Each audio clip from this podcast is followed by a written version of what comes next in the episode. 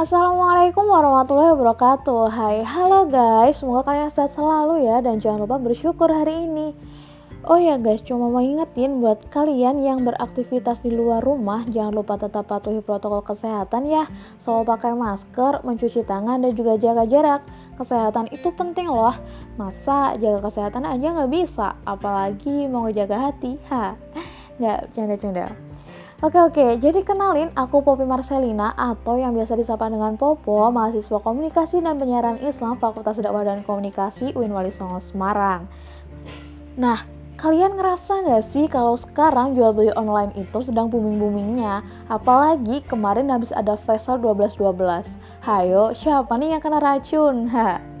Jadi kali ini aku akan sedikit membahas tentang jual beli online. Pasti sudah tidak asing lagi dong di telinga kalian, apalagi para muda-mudi nih, kaum-kaum milenial yang mayoritas lebih banyak magernya.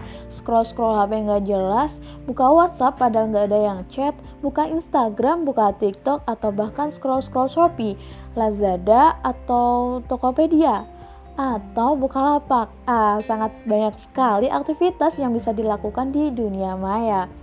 Nah, buat kalian yang pernah berbelanja online atau bahkan sering berbelanja online, pernah nggak sih kalian merasa kecewa dengan barang yang kalian beli karena tidak sesuai dengan deskripsi atau gambar atau bahkan kalian pernah tertipu dengan all shop abal-abal. Kalian sudah mentransfer uangnya dan ternyata barangnya tak kunjung datang Aku rasa hal ini masih sering terjadi ya di lingkungan kita. Nah, gimana sih pandangan Islam tentang ini? Jadi, dalam agama Islam terdapat rukun dan juga syarat dalam jual beli. Kalau dilihat dari segi rukun, aku rasa jual beli online yang amanah sudah melaksanakan rukun jual beli yang sesuai dengan syariat Islam, yaitu dengan adanya penjual dan juga pembeli. Ada barang atau jasa yang akan diperjualbelikan Terus, barang atau jasa ini bisa diukur dengan harga, bisa dengan uang atau dengan barang yang lainnya. Dan yang terakhir adanya proses serah terima atau proses transaksi. Nah, lanjut. Syaratnya jual beli itu ada delapan. Yang pertama yaitu kesepakatan. Apakah di jual beli online terdapat kesepakatan antara penjual dan pembeli? Tentu saja ada dong. Tanpa kesepakatan, transaksi jual beli tidak akan pernah terjadi. Syarat yang kedua adalah penggunaan akal sehat. Jadi, orang gila tidak boleh melakukan transaksi jual beli ya. Lalu, yang ketiga, barang yang diperjualbelikan harus dimiliki penjual, bukan barang curian atau barang orang lain.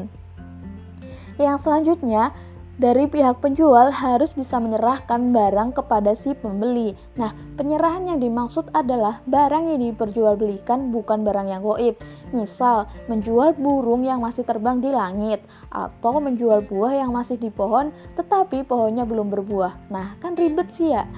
Nah, sekarang Syarat yang selanjutnya adalah harga barang harus diketahui dan syarat yang selanjutnya Barang harus diketahui, jadi informasi tentang kondisi barang dapat diketahui bisa dengan dilihat langsung atau melalui deskripsi dan audio visual.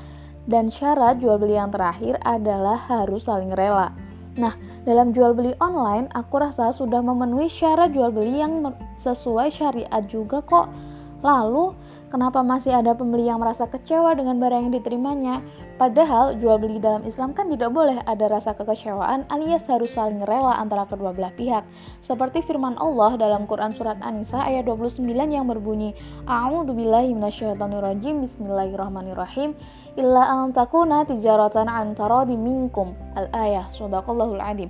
Yang artinya kecuali jual beli yang dilakukan dengan saling rela. Quran surat An-Nisa ayat 29. Nah, jadi gini, dalam jual beli online, kita melakukan transaksi secara online. Jadi, si pembeli hanya bisa melihat barang melalui foto yang disertai dengan deskripsi.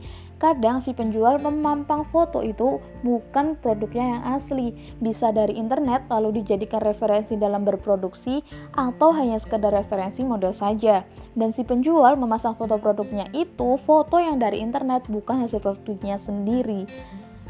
Tetapi Biasanya dalam deskripsi penjualan sudah diberi penjelasan. Misal nih, kita beli baju. Nah, di foto kelihatan bagus, tebel, warnanya cantik, dan lain-lain. Nah, ternyata ketika barangnya datang gak sesuai sama fotonya. Hal ini bisa terjadi karena si pembeli mungkin tidak membaca deskripsi yang sudah tertera.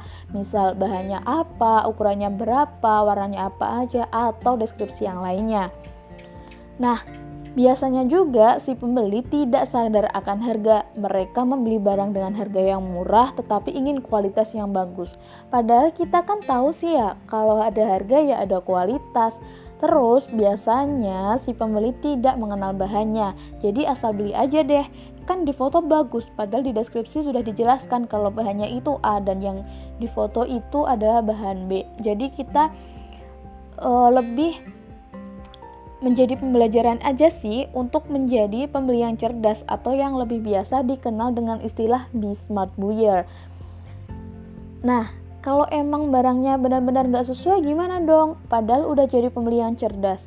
Nah, kita sebagai pembeli bisa komplain kepada si penjual dan si penjual juga harus menerima komplain dari si pembeli biar gak ada salah paham di antara kedua belah pihak. Bisa saling bermusyawarah gimana baiknya sampai menemukan titik tengah. Misal, si penjual mau bertanggung jawab untuk mengembalikan uang si pembeli atau menukar barang yang tidak sesuai tadi dengan barang yang diinginkan pembeli. Semua bisa dibicarakan dengan baik-baik. Bagaimanapun caranya harus bisa mendapatkan kerelaan dari kedua belah pihak dengan mencari jalan tengah itu tadi. Sekedar pesan aja sih untuk si penjual, tolong menjadi penjual yang budiman juga ya. Semakin kalian menjadi penjual yang baik dan juga amanah, tentunya tingkat kepercayaan pelanggan kalian juga meningkat. Hal ini akan menjadi keuntungan juga bagi kalian para penjual online. Nah, jadi, pada intinya, marilah menjadi individu yang besar hati dan juga saling mengerti. Tetap tabah hati, sabar, dan juga ikhlas dengan segala keadaan. Kalau kita ingin yang ini dan ternyata datangnya yang itu, ya sudah, tidak apa-apa, ikhlaskan saja. Insya Allah, semua akan diganti sama Allah yang lebih dari yang kita inginkan. Nah, mungkin cukup untuk podcast hari ini. Mohon maaf apabila ada salah kata.